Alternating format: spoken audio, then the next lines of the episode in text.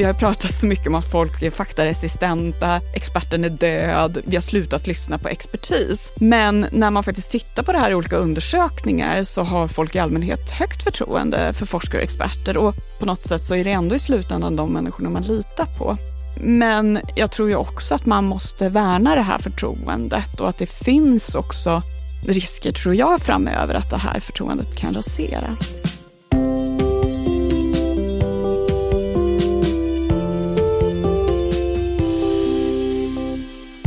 När en expert är med i TV och berättar om gifter i maten eller miljöproblem så måste de kunna förklara vad de bygger sina uttalanden på.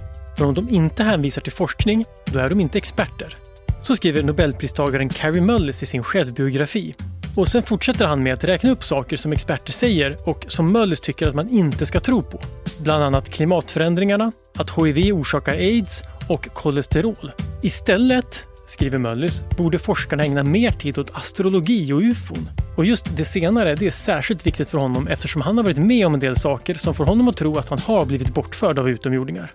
Du lyssnar på Idéer som förändrar världen, en podd från Nobelprismuseet som den här gången handlar om när vi ska lita på experter och när vi inte ska det. Och med mig för att berätta mer om experter så har jag Emma Frans. Välkommen! Tack så mycket. Du har skrivit en bok som heter Expertparadoxen som just handlar om experter. Vad, vad, vad menar du med eh, Ja, vad menar du med expertparadoxen? Vad är det som är en paradox? Nej, men jag menar ju just det där att jag, menar, jag har ju själv varit en person som har talat väldigt gott om att man ska lyssna på forskare och experter. Ehm, och på många sätt så är det väldigt bra att göra det och det är bra generellt både för individ och samhälle att man har ett högt förtroende för experter. Men att det här höga förtroendet faktiskt ibland kan vara lite problematiskt och ibland kan det faktiskt till och med slå över till att man har en sorts blind tro på vetenskapliga auktoriteter. Vilket faktiskt kan innebära att sådana här personer kan bli superspridare av myter. Emma Frans är forskare inom medicinsk epidemiologi på Karolinska institutet och författare till flera populärvetenskapliga böcker. Hon har också fått många priser. Förutom Guldörat för radioprogrammet Hjärta och hjärna så har hon också blivit utsedd till Årets folkbildare inte mindre än två gånger och dessutom fått Stora journalistpriset. Hennes senaste bok heter Expertparadoxen och den handlar om hur man vet när det är bra och när det är dåligt att lita på experter.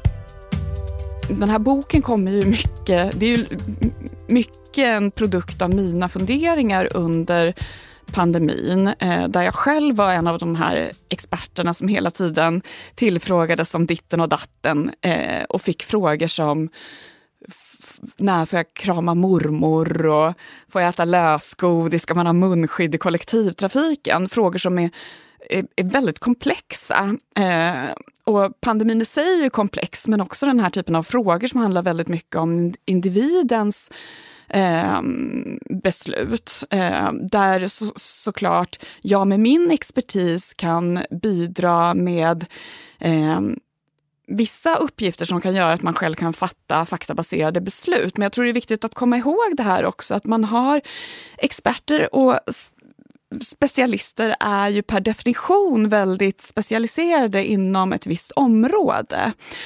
Och på många sätt blir också forskare mer och mer specialiserade jämfört med hur det kanske var för när de första Nobelprisen delades ut. För att kunskapsmassan blir ju allt större så att det är svårare och svårare att ha koll på saker som ligger utanför ens eget område. Ja, ska man lita på en expert som har blivit bortförd av utomjordingar? eh, man ska väl lita lika mycket på en expert som uttalar sig om något som de inte är experter på som man ska lita på vem som helst som uttalar sig om det där kanske. Eh, så ehm, det är väl att jämföra med vem som helst som påstår att han eller hon blivit bortförd av eh, rymdvarelser. Ja, så lite skeptisk. För att Carey Mullis han uppfann, eller uppfann säger man väl, PCR-tekniken. Så om han skulle uttala sig om, om PCR, då kan man lita på honom? Det tycker jag. Ja. Carrie Mullis är som sagt en ganska udda person. Men det han fick Nobelpriset för, det är något som de flesta av oss har hört talas om. Det var 1985 som han upptäckte PCR-metoden. PCR står för Polymerase Chain Reaction. Det är en teknik som gör det möjligt att skapa många kopior av DNA-molekyler. Mullis metod blev ett viktigt verktyg inom forskningen eftersom det gjorde att man kunde analysera DNA även när man bara hade små mängder. Och dessutom gick analysen mycket snabbare.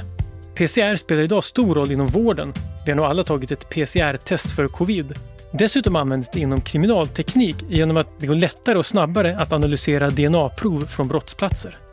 I Jurassic Park så är det PCR-teknik som används för att återskapa dinosaurier. Och just det går inte på riktigt. Men PCR spelar faktiskt en viktig roll för att Svante Pääbo skulle kunna ta fram först neandertalarnas och sen Denisova-människornas genom.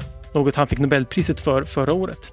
Och vill du höra mer om hur gammalt DNA kan och inte kan användas så rekommenderar jag poddavsnittet med Toril Kornfeldt som heter Klipp och klistra i DNA.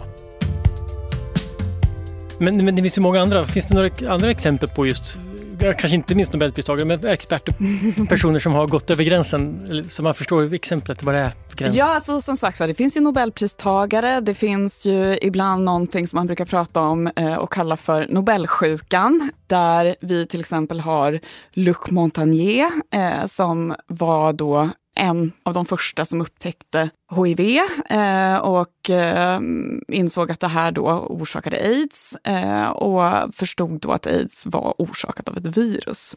Men som senare då gjorde en himla massa märkliga uttalanden där han bland annat förespråkade homeopati. Ehm, han var, har sagt att eh, man kan bota autism med antibiotika och också gjorde väldigt många märkliga uttalanden om eh, covid-19-vaccinet. Mm. Så det är bara ett exempel, men det finns ju andra eh, också. Ett sånt exempel som jag nämner i boken var en Stanford-professor, Paul R. Ehrlich, som då spådde att världen stod inför en stor liksom, Liksom svältkatastrof i och med att man kunde då se att befolkningen ökade i en väldigt snabb takt.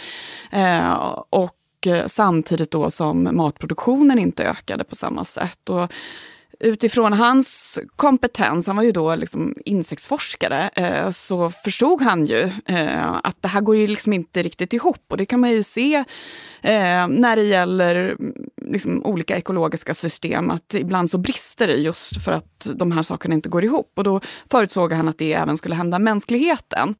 och släppte då böcker, blev en väldigt liksom, anlitad föreläsare, fick tala inför kongressen i USA och nådde verkligen ut med det här alarmistiska budskapet. Och sen då efter några decennier så blev det uppenbart att det här inte slog in. Och det handlade ju också om att den här utvecklingen inte riktigt eh, fortsatte på det sättet som man hade eh, sett. Att folk då när, när folk fick det bättre ekonomiskt så, och tillgång till preventivmedel gjorde att många människor skaffade färre barn. Och man kunde ju också då eh, med hjälp av ny innovation producera mer mat. Vilket gjorde faktiskt att, att man då eh, såg att eh, allt färre människor över tid eh, levde mm. i, i svält. Nu har vi i och för sig de senaste åren på grund av eh, liksom allt från pandemier, extremväder och sånt faktiskt kunnat se att, att det där, den där trenden verkar faktiskt eh, vända uppåt igen tyvärr. Men man kan i alla fall slå fast att hans prognoser slog fel. Men finns det en skillnad mellan att han, för han hade ändå någon sorts, alltså det är ändå underbyggt argument, att han hade fel och att prata liksom, eh, om någonting som man inte kan någonting om. Är det, är det, vad är skillnaden där? Ja, det är absolut, det har du verkligen en poäng i. Han, hade ju, han kunde ju bidra med en pusselbit i, i det här stora pusslet. Och jag tänker ju att det, det är lite så man måste se på vetenskapen också. Att en enskild expert och en enskild eh, forskningsstudie ger ju bara en delmängd eh, av informationen som kanske behövs för, särskilt när det gäller den här typen av komplexa frågeställningar. Och jag tror också att det är någonting som vi måste vara medvetna om när vi närmar oss olika experter. Att beroende på vilken expert vi frågar så kan vi få väldigt olika svar. Och just de här stora problemen som mänskligheten står inför, som till exempel det här med befolkningsfrågan då, eller eh, klimatförändringar eller en pandemi, så är det ju inte en typ av expert som kan ge oss alla de korrekta svaren, utan vi måste ju faktiskt här ibland ta hjälp från olika typer av forskare. Och med Ehrlich menar jag, han förstod sin grej, men han kanske inte hade koll på vad som skedde inom livsmedelsproduktion. Och han kanske inte hade koll riktigt på hur liksom män, mänsklig demografi funkade eh, och därför så hamnade han väldigt snett. När biologen Paul Ehrlich i boken Befolkningsbomben varnade för en kommande massvält så fick det verkligen ett enormt genomslag. I boken om mediala framträdanden berättade Ehrlich om att jordens resurser helt enkelt inte räckte till och att inga tänkbara åtgärder var tillräckliga för att hindra den kommande svältkatastrofen. Boken gjorde Paul Ehrlich till en expert inom befolkningsfrågor, men frågan var om han hade rätt. Hans resonemang byggde mycket på att Indien och Pakistan inte skulle klara av sin egen matproduktion. Men faktum är att samma år som boken kom ut, 1968, så blev Pakistan självförsörjande på vete och 1972 när boken kom ut på svenska blev Indien det också. Det som Ehrlich inte hade tagit med i sin beräkning var de projekt inom växtförädling som drevs av Rockefellerstiftelsen och som leddes av agronomen Norman Borlaug. Redan på 50-talet hade Borlaug tagit fram ett slags vete i Mexiko som var tåligare mot väder och vind och som ökade skördarnas storlek. Och på 60-talet så började han arbeta även i Pakistan och Indien. 1970 så fick Norman Borlaug Nobels fredspris det hör inte till vanligheten att forskare får fredspriset, men Nobelkommittén ville lyfta fram hur viktig matproduktion är för en stabil och fredlig utveckling. Det var också motivering som återkom när FNs livsmedelsprogram World Food Program fick fredspriset 2020. Den vetenskapliga processen tror jag för en utomstående kan framstå som väldigt, väldigt förvirrande. För det handlar ju hela tiden om att man formulerar hypoteser som aldrig visar sig hålla, man följer vägar som visar sig vara återvändsgränder, man gör en studie som aldrig andra forskare lyckas återskapa, replikera, vilket ju är väldigt viktigt för att vi liksom verkligen ska känna att vi kan vara säkra på vår sak.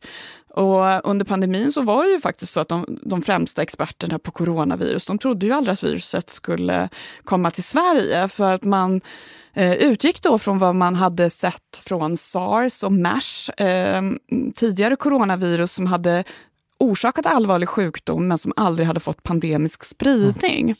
Vilket då gjorde att man hamnade väldigt fel medan då kanske lekmän som bara oj, folk dör eh, på gatorna i Wuhan. Det här kanske drabbar oss och blev jätterädda. Det var ju på något sätt kanske de som fick rätt och inte de som var de främsta experterna på mm. området. Mm. Du lyfter också fram i boken, det är intressant, alltså hur ofta vi litar på experter, inte bara på de experter som står i tv och presenteras som experter, utan när vi sätter oss i ett flygplan så litar vi på att piloten kan flyga planet. Det är en sorts expertis, alltså mm. expertis som kompetens. När man pratar med experter, vad är det som är vad menar du när du säger expert? Eller finns det olika sorter helt mm. enkelt? Verkligen. Eh, och jag försöker vara tydlig med det. att Det jag fokuserar på i den här boken är ju forskaren i rollen som expert. Och det handlar ju lite om att det är där min expertis ligger. Sen så skriver jag lite, jag funderar lite på det där, liksom, vad är egentligen en expert och hur vet vi vem som verkligen kan något bäst eller vet mm. mest? Och där finns det ju forskare som har studerat det här med expertis eh, och det har även varit författare inom populärvetenskap som har skrivit om just det här att liksom, ja, men det handlar om att öva tillräckligt mycket på någonting. Och Malcolm Gladwell skrev den här boken Outliers, där han skrev om den här 10 000 timmars regeln. Att, att man blir expert genom att öva på någonting i 10 000 timmar. Men som det är ibland med Malcolm Gladwell så är det ju liksom, det är baserat på forskning men det kanske är tolkat och lite tillspetsat på ett sätt som gör att det blir väldigt kul och intressant och jag tycker själv om att läsa hans böcker. Men det kanske inte riktigt är det som forskarna eh, menade. Och mycket av hans forskning bygger ju faktiskt på forskning från Anders Eriksson, då, en svensk psykolog, som i olika forskningsstudier, bland annat när han har tittat på eh, violinister, kunnat se att de som var bäst, eh, de hade också övat i genomsnitt 10 000 timmar. Men han menar ju då att det är ju inte liksom eh, någon, någon liksom exakt siffra det här, utan det är ett genomsnitt när man jämför väldigt många människor. Men det han ändå liksom har kunnat konstatera, det är ju att ju mer man övar, desto bättre blir man på någonting. Men han menar ju också att det måste vara en viss typ av övning. Den måste vara fokuserad och handledd. Det går inte bara liksom gå ut och laja ja, Om jag skulle stå och laja med en fiol utan att få några bra instruktioner så skulle ju inte jag bli expert på det, även om jag höll på i 10 000 timmar. Så det behövs en viss typ av träning. Men generellt så hänger det ju samman. Är man liksom skolad inom ett område, har man spenderat mycket tid på att lära sig och djupdyka i ett ämne, så blir man ju allt mer kunnig inom det. Givet då att det man lär sig faktiskt är korrekt. Ja, men för du sa det också att, att det handlar om att kunna när du är med i tv och berättar om, om man får frågan om man ska krama sin mormor, du är ju inte expert, det är väl få som är experter på när man får krama sin mormor, åtminstone på ett nytt virus, ja. who knows. Ja. Men då tänker jag att den expertis som efterfrågas där, det är väl då, är det en sorts expertis att kunna bedöma vad som är expertis eller vad som är god kunskap? Är det det som efterfrågas där kanske? Jag tror att, om, om vi säger just i det här specifika fallet, så tror jag att många människor eh, var väldigt oroliga. Det var en krissituation eh, och man tydde sig till personer som kunde ge en svar på de frågor man brottades med. Och intuitivt så tror jag för många att man då vänder sig till forskare, liksom, för det är ju de vi har högst förtroende för. Vilket på många sätt är positivt, men det kan ibland också göra att vi kanske ställer frågor till forskare som inte är rent vetenskapliga, utan kanske också handlar väldigt mycket om värderingar, preferenser och just när jag fick den där frågan, eh, jag satt nog i någon livesänd tv och kände mig själv liksom, ja men det var en väldigt turbulent eh, situation för alla. Och även för mig som liksom skulle gå in i den där expertrollen. Särskilt då svårt var det ju i ett läge där det var så stor ovisshet och man följde vetenskapens utveckling så gott man kunde i realtid. Och jag kände väl då att det jag kunde hjälpa människor med, det var ju att säga vad man hade kunnat se i forskningsstudier och vad man inte visste. Mm. Och försöka på något sätt strukturera upp det på ett sätt så att det blev begripligt för människor. Sen så var det ju slutändan så att vi i Sverige hade en policy där det var upp till individen själv att utifrån det här fatta informerade beslut. Medan kanske i andra länder så kanske det var politiker som gick in och sa åt människor att så här ska ni göra och här ska ni ha munskydd och här ska ni inte ha det. Ehm, men i Sverige la man över mycket av det ansvaret på individerna själva. Men jag menar att en sån fråga, då skulle jag ju liksom, jag tror att det jag sa då eh, var väl att, ja men, för det var precis när det hade kommit de här restriktionerna om att man inte skulle träffa äldre människor. Och jag sa väl att, ja men just nu så är det kanske inte någon bra idé, men på sommaren, ni kanske kan träffas utomhus och så vidare. Men i efterhand, som man ofta gör, så reflekterar man ju över, vad sa jag egentligen, vad mm. borde jag ha sagt?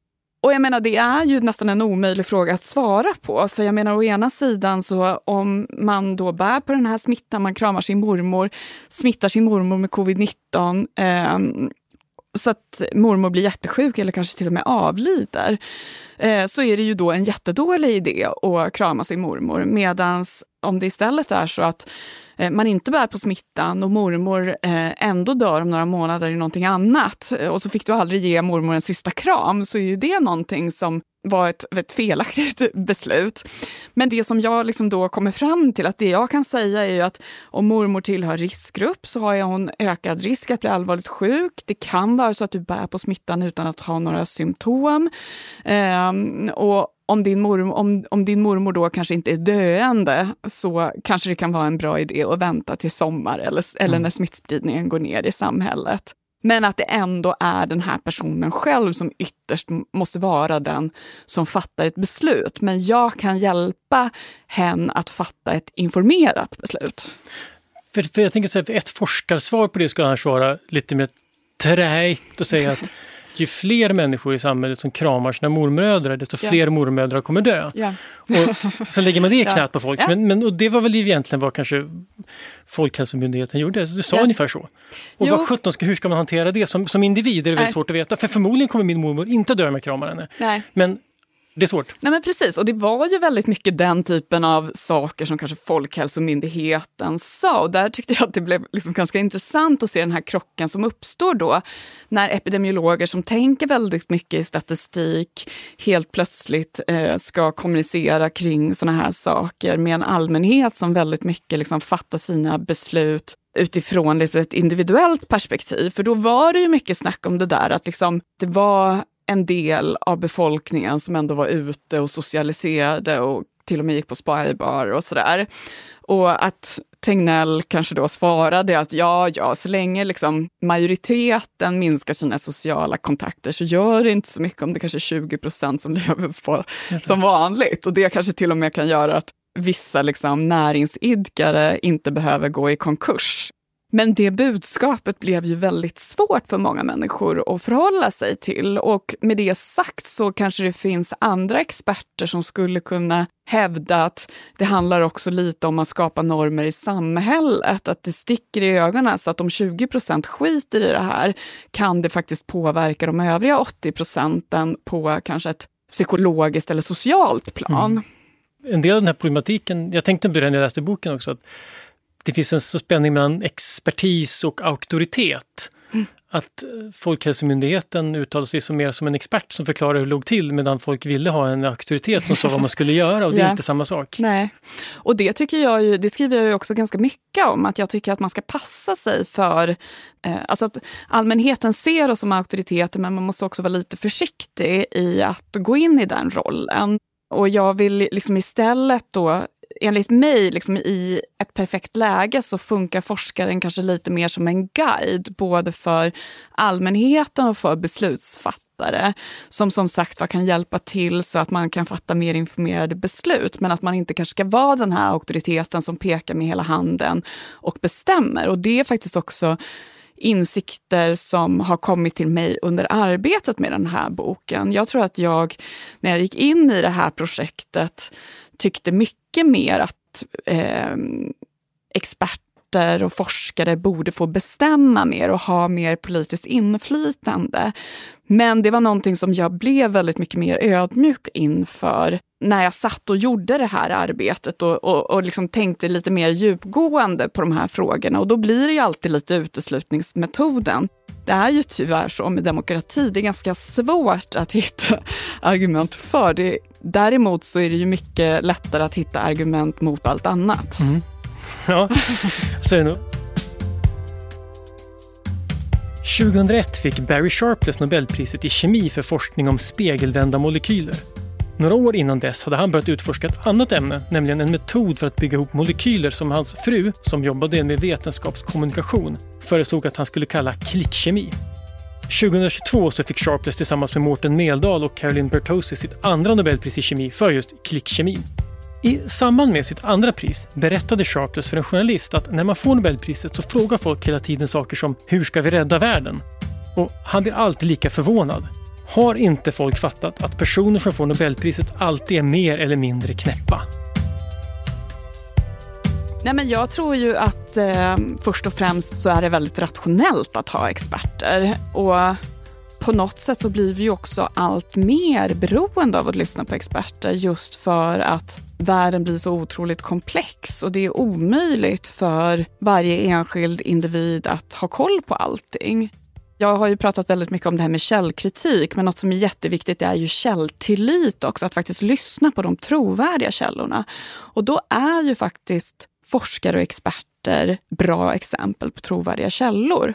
Och när man går lite bredare då och pratar om piloter som expert också, så är det ju också så att hela samhället blir mycket mer praktiskt eh, om vi faktiskt också ibland kan delegera expertkunskap så att alla behöver inte lära sig att köra en buss eller ta ett flygplan eh, runt jorden. Eh, alla behöver inte undervisa sina barn i algebra utan mm. vissa människor kan specialisera sig och bidra med sin expertis till ett samhälle som blir mycket, mycket mer framstående än när alla människor själva måste liksom gång på gång uppfinna hjulet.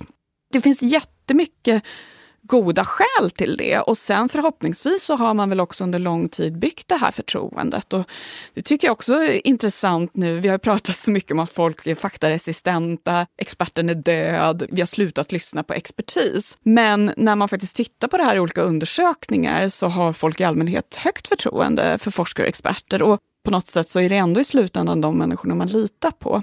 Men jag tror ju också att man måste värna det här förtroendet och att det finns också risker, tror jag, framöver att det här förtroendet kan rasera. Att experter har fel, för det har de ju naturligtvis ibland. Är det, är det liksom, undergräver det det hela? Kanske om man inte förstår vad vetenskap är. Mm. Jag blir inte särskilt förvånad när forskare och experter har fel, utan jag ser det här som en del av processen.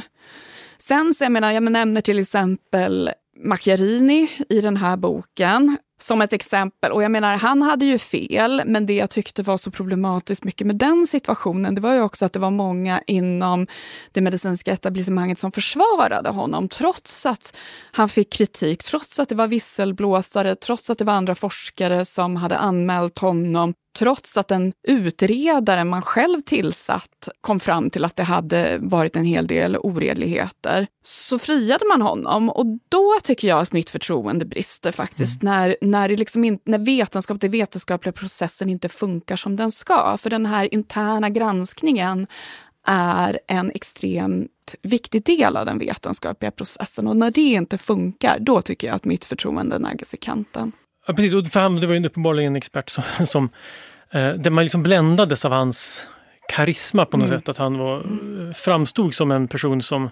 Det är klart, det fallet var inte så bra, men det där är, är väl också ett sätt för, om man då inte är insatt i den världen, det, det är ju ett sätt att liksom känna igen folk. Att, ja, men piloten har uniform och så, så det ser man, och läkaren i sina kläder. Men, men forskarna, hur vet man att den ena forskare är bättre än den andra? Och då, ja, men, ett Nobelpris kan hjälpa, men även andra saker. Att de ser ut som att ha läkaråk på sig fast de är på presskonferens och sånt. Ja, precis. Den karisman spelar stor roll, tänker jag.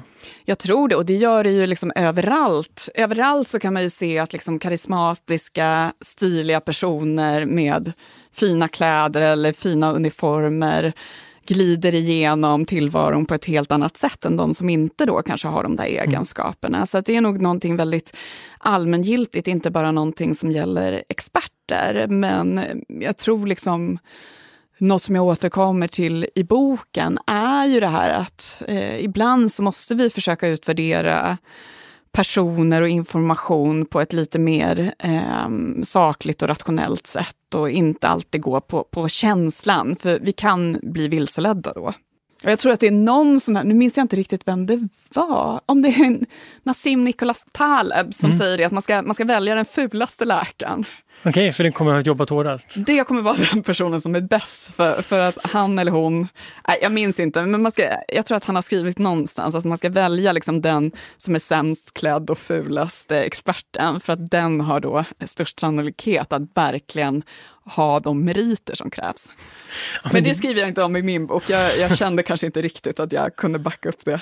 Nej, men det är intressant. Jag vet, det skriver jag tror att det är Anders Eriksson, men det kan vara någon annan liknande böcker som skriver om det här med att de duktiga människor, inte minst forskare som når långt, det är absolut inte alltid de som var bäst i skolan. Det beror på att för att bli en bra forskare så måste man kunna möta saker man inte kan så mycket om, det är forskningsfronten. Mm. Mm. Och om man har varit dålig i skolan och varit van ganska tidigt med att oj, här är ett problem jag inte kan lösa, hur ska jag hantera det? Och så lär man sig hantera det och så går man vidare. Medan om man har glidit igenom skolan, så när man väl kommer till de svåra problemen så ger man upp. Jag vet inte alls om det stämmer. Men... Då vill jag komma med en ytterligare en teori som jag har eh, lite när det gäller de här Nobelpristagarna. Jag tror att många av dem ändå inom sitt skrå också är kanske personer som är faktiskt ganska karismatiska. Och jag tänker mig också att nu så är ju det där alltid en utmaning vem som förtjänar det här priset, med personer som också kan leda forskargrupper och som det kan vara andra personer som är jättebra på att stå på det här labbet eller sitta och räkna, men den som blir liksom, får ta på sig äran eller leda den här forskningsgruppen och som är ute och presenterar det här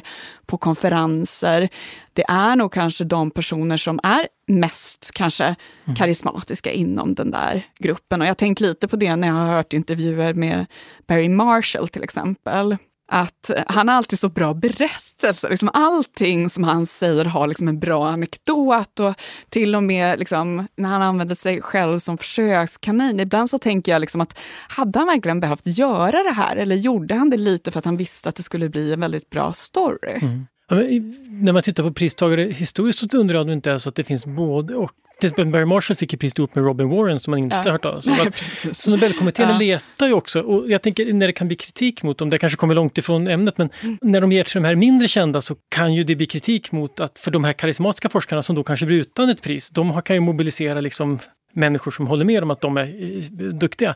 Så då kan man få kritik för att man har tagit de här okända ah, okay. på det sättet. Men, och om man tar mer kända ska man få kritik för att man får de som är mera, mest kända men äh. missat de små. Ja, men jag tänkte på det nu också, Svante Pääbo fick ju det här priset, så jag skriver ju också om det här med specialister versus generalister. Att just det där att personer som har den här egenskapen som innebär att man kan koppla samman olika forskargrupper kunskaper. Eh, man kan liksom kombinera arkeologi med modern genteknik. Att jag tror att det krävs kanske också en person som är lite liksom karismatisk och som kan liksom samverka och som kanske också har lite bredd för att man ska kunna göra den typen av av genombrott. Så jag tycker också att han är, apropå liksom Nobelpristagare, så tycker jag att han är ett intressant exempel också på det här som jag är inne på i boken, att forskare blir allt mer specialiserade och det behövs faktiskt också inte bara de som befinner sig exakt i frontlinjen av ett specifikt ämne, utan också de som faktiskt har koll på olika områden och som kan sammanföra dem. Ett Nobelpris betyder inte att man har svaret på alla frågor. Och samma sak gäller två priser. Det är Linus Pauling ett exempel på. Hans forskning om kemiska bindningar är grundläggande för den moderna kemin. Men senare i livet ägnade han sig åt att försöka bevisa att C-vitamin kunde bota nästan alla sjukdomar, från förkylningar till cancer. Vilket det tyvärr inte kan. Men samtidigt kan Nobelpriset ge forskare en plattform för att uttala sig om saker de faktiskt vet något om. Även det är Pauling ett exempel på. Efter att han fått Nobelpriset i kemi 1954 så kände han en plikt att som forskare delta i den offentliga debatten.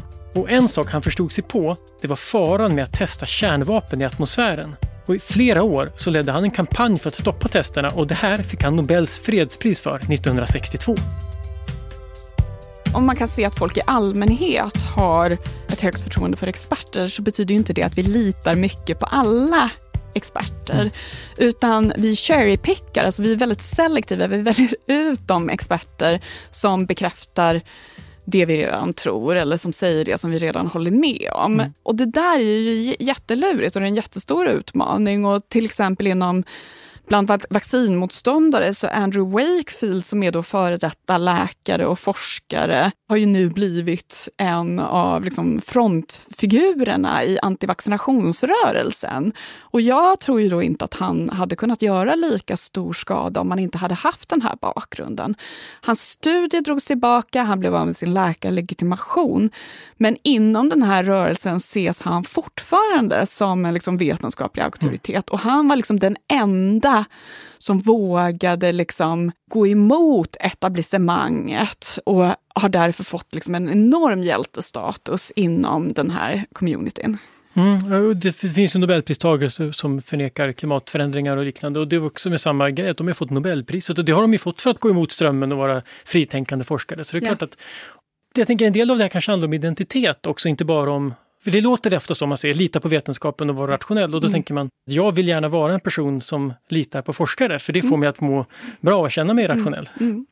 Nej, men jag, tror, jag tror att det är en jätteviktig poäng och jag tror att mycket det här, liksom, eh, vi har ju under lång tid pratat om faktaresistens och att vissa människor inte lyssnar på experter och så vidare. Men jag tror ju att det är mycket annat som faktiskt ligger bakom det här vi ser. Som du säger, att man, man har en viss typ av identitet. Eh, det kan göra att man fastnar i grupper där det sprids mycket felaktigheter. Vi har också känslor och, och, andra kognitiva bias som ibland gör att det blir väldigt svårt för oss att lyssna på forskare. Eller till exempel att vi har olika typer av drivkrafter som krockar när det gäller klimatfrågan till exempel. Jag tror inte att, eller det vet man ju, att alla som åker på semester till Thailand är ju inte klimatförnekare såklart. Så det finns så väldigt mycket, tror jag, som ligger bakom det här. Slutprodukten eh, kanske blir att det ser ut som om människor vägrar att ly lyssna på forskare och experter. Mm. Men allt det som ligger bakom det tror jag är, liksom, det är så extremt komplext och så många olika drivkrafter som ligger bakom det.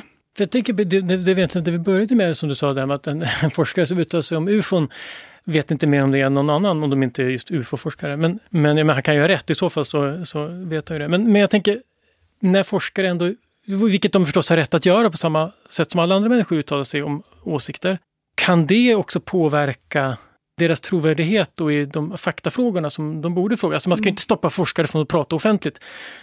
Men det kan ju ändå bli problematiskt när man å ena mm. sidan, mm. nu ska lita på mig när jag pratar om ja.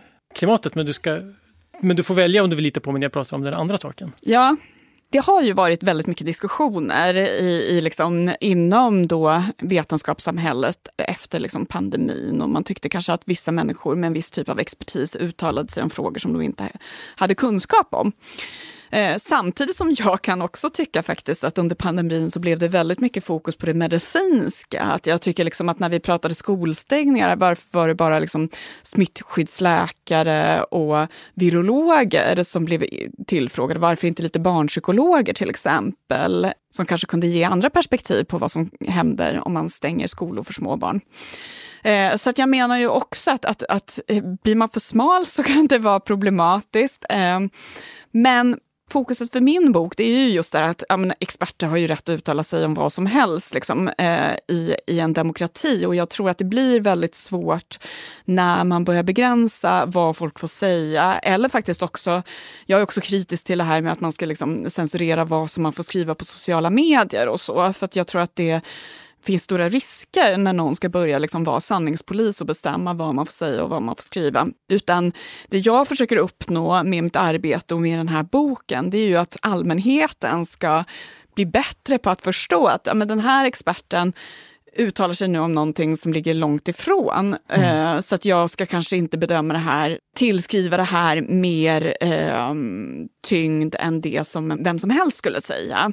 Men samtidigt så skulle jag gärna se att det var mer fokus på den vetenskapliga metoden. Att när man som forskare också pratar om någonting, man ger ett expertsvar, så ska man också kunna motivera det och förklara vilken typ av studier som har lett fram till det här. Mm. Nu låter jag som den här mannen i inledningen. Ja, precis. Eller hur? Det var ju mm. precis så han sa. Ja, uh, ja. Men jag menar, ofta också sådär, folk som sprider felaktigheter, de blandar ju ofta upp det med, med faktiskt saker som är väldigt sanna och väldigt rationella. Och jag tror ju också att det är mycket det jag försöker uppnå med den här boken, att många av de här argumenten som jag kommer med, Macchiarini, Andrew mm. Wakefield, det skulle också kunna användas av någon som vill som, som menar att vi ska aldrig lyssna på experter och vi ska ignorera forskningen, för forskningen har fel, experterna har fel. Men jag menar ju att liksom, trots att det ibland uppstår sådana här problem och att man på olika sätt måste hitta lösningar på det och försöka undvika att det sker igen, så tycker jag ju ändå att man ska lyssna på vetenskapen. Ja, det intressanta med just Carey Mullys inledning det är att han har helt rätt när han, säger, när han pratar om vad experter får ja. prata om. Men det är väl bara att han lägger nivån för vad som är accepterad kunskap på en helt annan nivå än de flesta andra. Och det tycker jag är svårt när man tittar utanför. Men vissa fält kan man ju se själv. Alltså, jag kan ju inte någonting om medicin med, mer än liksom rimligt, men jag förstår ju när en forskare pratar om att det här kommer, eller om det är fysiker, det var det att, liksom att slagrutor funkar inte, homeopati funkar inte. Det är liksom inget, det är inte ett kontrover- det behöver inte vara expert på någonting för att veta. Nej. Det räcker med att ha liksom en grundläggande medicinsk utbildning, kan man lita på det. Men sen finns det en trappa upp när plötsligt uttalandena är mera möjliga att ifrågasätta. Och det tycker jag kan vara svårt ibland att veta. Ju, ju, längre, ju mindre man vet om fältet, desto, desto svårare är det att veta Liksom, det här vet alla, det här är, grund, ja. det här är A-kursen eller pratar vi om forskarnivåkursen? Liksom. Ja. Men det är ju intressant, jag kommer att tänka på till exempel tobaksindustrin som, som under lång tid liksom verkligen försökte hävda det här att korrelation betyder mm. inte kausalitet och det är ju mycket min käpphäst. Mm, och det är ju också helt sant. Eh, och det fanns inte randomiserade prövningar där man hade kommit fram till att rökning ger lungcancer, för det är omöjligt att genomföra den typen av studier. Men man hade mycket annan forskning forskning som sammantaget gav en jätte jättetydlig bild av farorna med rökning. Men återigen, just det där att man blandar upp det med saker som faktiskt är korrekta och på så sätt också gör det kanske mer övertygande. Men för att också ta tillbaka lite grann till det här med den här känslan som jag tycker är spännande. Det här med att vi lyssnar på folk som vi kanske känner oss bekväma med, eller kanske har identitet, eller att lita på andra experter än de vanliga experterna. Finns det ett behov av någon sorts mångfald där? Ett exempel som jag fick i huvudet när jag läste din bok var om man tänker så här att vi vet att till exempel vet vi att personer som röstar på Sverigedemokraterna är mer skeptiska till, mindre tilltro till både myndigheter men också, om jag förstått saken rätt, till, till eh, forskare. Och en anledning kan ju vara att personer från akademin har ofta uttalat sig om att Sverigedemokraterna är farliga för svensk demokrati. Och, sen, och då, ska man, då, då är man ganska motvillig, om man inte tycker det vill man inte lyssna på dem. Och sen så står de och säger att vi ska göra si eller så, om, om det är munskydd eller vi ska ha ut, blanda ut bensinen med, med något annat. Alltså, behöver vi öka, öka mångfalden av forskare som ser ut som och uppför sig som fler grupper i samhället för att det ska funka? Ja, det tror jag. Samtidigt så blir det såklart väldigt lurigt. Jag skriver ju bland annat om de här experimenten som jag gjorde på svarta män, eh, mm. syfilisexperiment i USA och att det här har lett till, eh, eller många hävdar då att det här har lett till en misstro eh, riktad mot myndighetspersoner och forskare. Och där menar jag, hade man kanske då haft fler forskare och myndighetspersoner som mm. också var eh, av eh, afroamerikanskt ursprung så tror jag ju att man skulle kunna minska den här misstron. Mm. Att, att, om vi ser att nej, de ser ut som oss, då blir det inte det här tydliga liksom, in och utgrupp. Syfilisexperimentet, eller Tuskegee-studien, det var en studie av hur afroamerikanska män påverkades av syfilis som den amerikanska motsvarigheten till Folkhälsomyndigheten påbörjade 1932 i staden Tuskegee i Alabama. Det var tänkt att pågå under lång tid, så när penicillin på 1940-talet började användas för att bota syfilis, då fick deltagarna i studien inte tillgång till det. Faktum är att deltagarna inte ens visste om att de hade syfilis, utan de trodde att de fick gratis behandling mot en blodsjukdom, när de i själva verket inte fick någon behandling alls. Det skulle nämligen störa forskningsresultaten. På 60-talet slog en anställd vid myndigheten larm och en utredning tillsattes. Men den resulterade i beslutet att studien skulle fullföljas. Först när samma anställde gick till pressen och avslöjade historien 1972 så avbröts experimentet. Då hade fler än 100 av de 600 deltagarna dött. Först 1997 så fick de drabbade en officiell ursäkt från president Bill Clinton. Sen så när det gäller politisk åskådning så är det ju liksom kanske lurigare och jag tror att på många sätt så är det också oundvikligt att eh, det finns vissa liksom homogena drag bland experter. Och det är väl också det som jag menar är ett argument mot ett expertstyre. Just att går man väldigt många år på, alltså vi är väl alla överens om att experter bör ha en viss typ av utbildning och går man då de här utbildningarna, kanske är med i samma studentföreningar, umgås med varandra, man nätverkar med en viss typ av människor, doktorerar på särskilda institutioner, så kommer ju det i slutändan också att påverka vilka som till slut blir experter. Och Det är väldigt svårt att komma ifrån mm. det. Och Det är väl därför jag också menar att det är viktigt att kanske inte delegera alldeles för mycket makt till experter just för att de ändå är en ganska kanske homogen grupp som kan ha svårt för att ta hänsyn till alla typer av individer i samhället. Och det är ju också kanske det som på många sätt är politikernas roll, att försöka integrera fakta och expertis i beslutsfattandet och ändå ta hänsyn till hela befolkningens behov. Jag tänker, för det ger ju bara större effekt tänker jag om man har en, en, person som till exempel pratar om grön energi som inte ser ut som en person som pratar om grön energi. Jag tänker Arnold Schwarzenegger är en typisk sån person som liksom gör jättemycket för klimatet men är ju liksom republikan. ja, ja, visst, också, och jag tror att det påverkar, många som gillar honom kanske så, ja. inte hade gillat honom. I Sverige om vi hade haft en, liksom en klimatforskare som gillar kött och hårdrock och var skeptisk invandring så kanske den, den personen kunde ha fått fler... Ja, men så tror jag absolut. Alltså jag tror ju att det är jätteviktigt viktigt att ha eh, mångfald bland forskare och experter. Sen så tror jag att vi ska väl liksom inte... Ja, men det är också så här, vi behöver mångfald vi behöver inte kvotera inom... in vita medelålders män som Nej, det behöver vi verkligen inte göra. Men det är ju också lite så att jag menar på något sätt så man jobbar för mångfald inom olika områden och sen så i slutändan så bor alla i Stockholms innerstad och jobbar på samma arbetsplats och även om de kanske utåt sett ser lite olika ut så kanske de ändå tänker ganska likt i och med att de befinner sig i samma bubblor. Ja, det är väl ett svårt problem. Men, men, men, det är väl det som kanske är en del av paradoxen också, det här med att hålla isär just personen och kunskapen. Ja, verkligen. Eh, jag tänkte börja närma oss slutet, men jag tänkte du skrev också att vi litar inte på de som ser emot oss. Så det är svårt att ändra folks åsikter genom att bara mythbusta dem och sånt. Det kanske inte är så konstruktivt. Mm. Hur gör man själv om man vill dels ändra någon annans uppfattning men också sin egen uppfattning?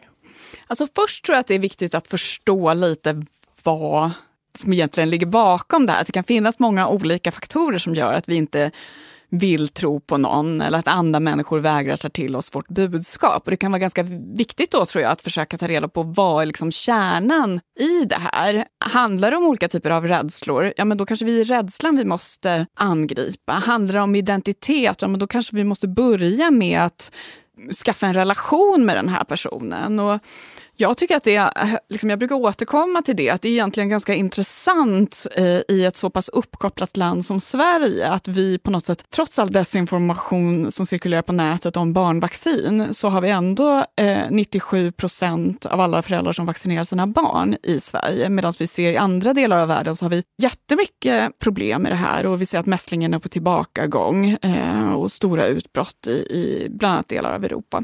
Och jag tror att mycket av det faktiskt handlar om den här med BVC-modellen, att den är väldigt framgångsrik. Just det här att man går regelbundet med sin bebis till en BVC-sjuksköterska.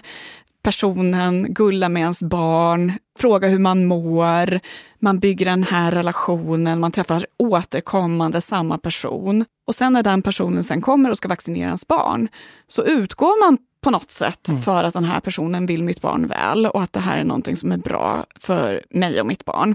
Så jag tror att det är ganska viktigt att se det här utifrån den frågan också. Att, att det handlar väldigt mycket om att bygga relationer, att uh, bibehålla det här höga förtroendet, att vara öppen och transparent, även kanske med den ovisshet som finns. Och det liksom är väl andra sidan på det här med att om, man ska, om, om det är rätt ord, men icke-rationella skäl, alltså symboliska karisma, att lita på forskare. Det, med att, då, det kanske det är det positiva med att forskare då ändå kanske är mera mänskliga än att bara peka på statistik och vara opersonliga.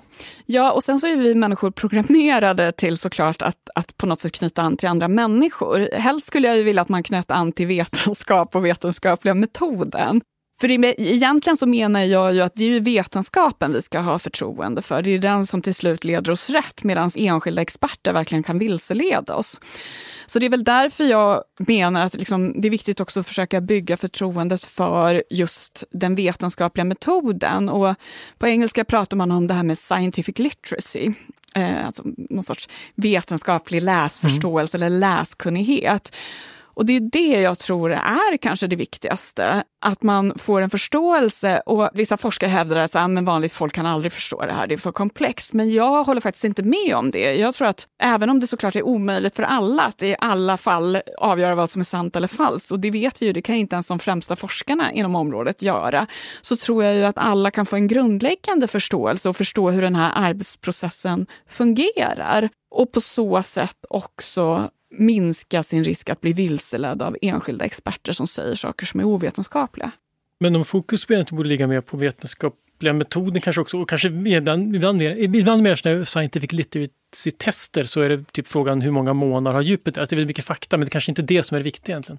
Och inte heller personer, men då Nobelpriset... Jag har ingen aning om hur många månader Jupiter har. Äh, många, jättemånga tror jag. Ah, okay. ehm, så, så skulle jag skåra lågt på ett ja, sånt test. Nej, det går inte. Men, precis, men, det, men det, det, finns en berättelse om Einstein som sa det, han fick sådana frågor, då sa han att det där går ju slupp. Det är liksom det är inte det det handlar om. Nej. Men för jag tänkte, men Nobelpriset blir ett problem. Det, det är ett problem. problem. för det handlar ju om att hylla, hylla individer som har gjort saker. Eller, ja. eller, är det också, eller sammanfattar det också paradoxen att å ena sidan så gör det det och det är problematiskt. Mm. Å andra sidan så kan det kanske vara bra med att ha människor. Ja, men jag tycker verkligen att det finns verkligen den här paradoxala aspekten av Nobelpriset. För att jag tror ju att det är viktigt att hylla forskarinsatser och att de här personerna verkligen kan fungera som eh, förebilder för människor som vill förändra världen och då kanske väljer att satsa på att gå in i, i vetenskapen istället för att en, en ny liksom, app som eh, ska eh, göra att vi kan låna pengar lättare. Så jag tror ju att det är viktigt att det finns såklart.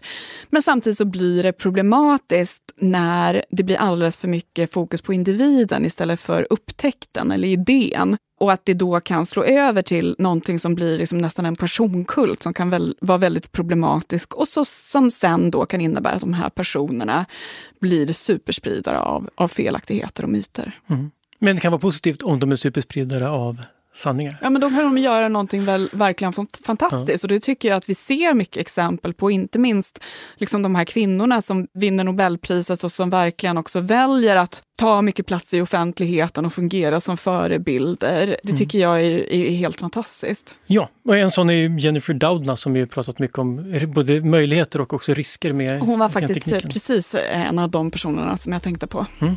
Kan man lyssna på vårt poddavsnitt med henne när hon pratar om det? Tycker, tycker man kan, kan göra. Absolut. Lite själv, egen reklam. vi måste nog sluta nu, annars kan vi prata eh, hur länge som helst om experter. För det är väldigt otroligt spännande att höra och om man vill läsa mer om något annat så kan man läsa din bok som heter Expertparadoxen. Yes. Tack för att du kom hit. Tack, kul att vara här. Idéer som förändrar världen är slut för den här gången. Den här podden görs av Nobelprismuseet. Vi finns på Stortorget i Gamla stan. Information om museets utställningar och öppettider finns på museets hemsida nobelprismuseum.se. Du kan förstås också följa oss på Facebook och Instagram. Och vill du veta mer om Nobelpristagarna och deras arbete så gå gärna till Nobelprisets hemsida nobelprice.org. Och ett stort tack till Nibe Group, EF Education First, Knut och Alice Wallenbergs stiftelse och familjen Erling Perssons stiftelse som möjliggör Nobelprismuseets verksamhet. Idéer som förändrar världen görs i samarbete med produktionsbolaget Filt, producent är Andreas Wiklund och jag heter Gustav Källstrand. Vi är snart tillbaka med nya intressanta samtal.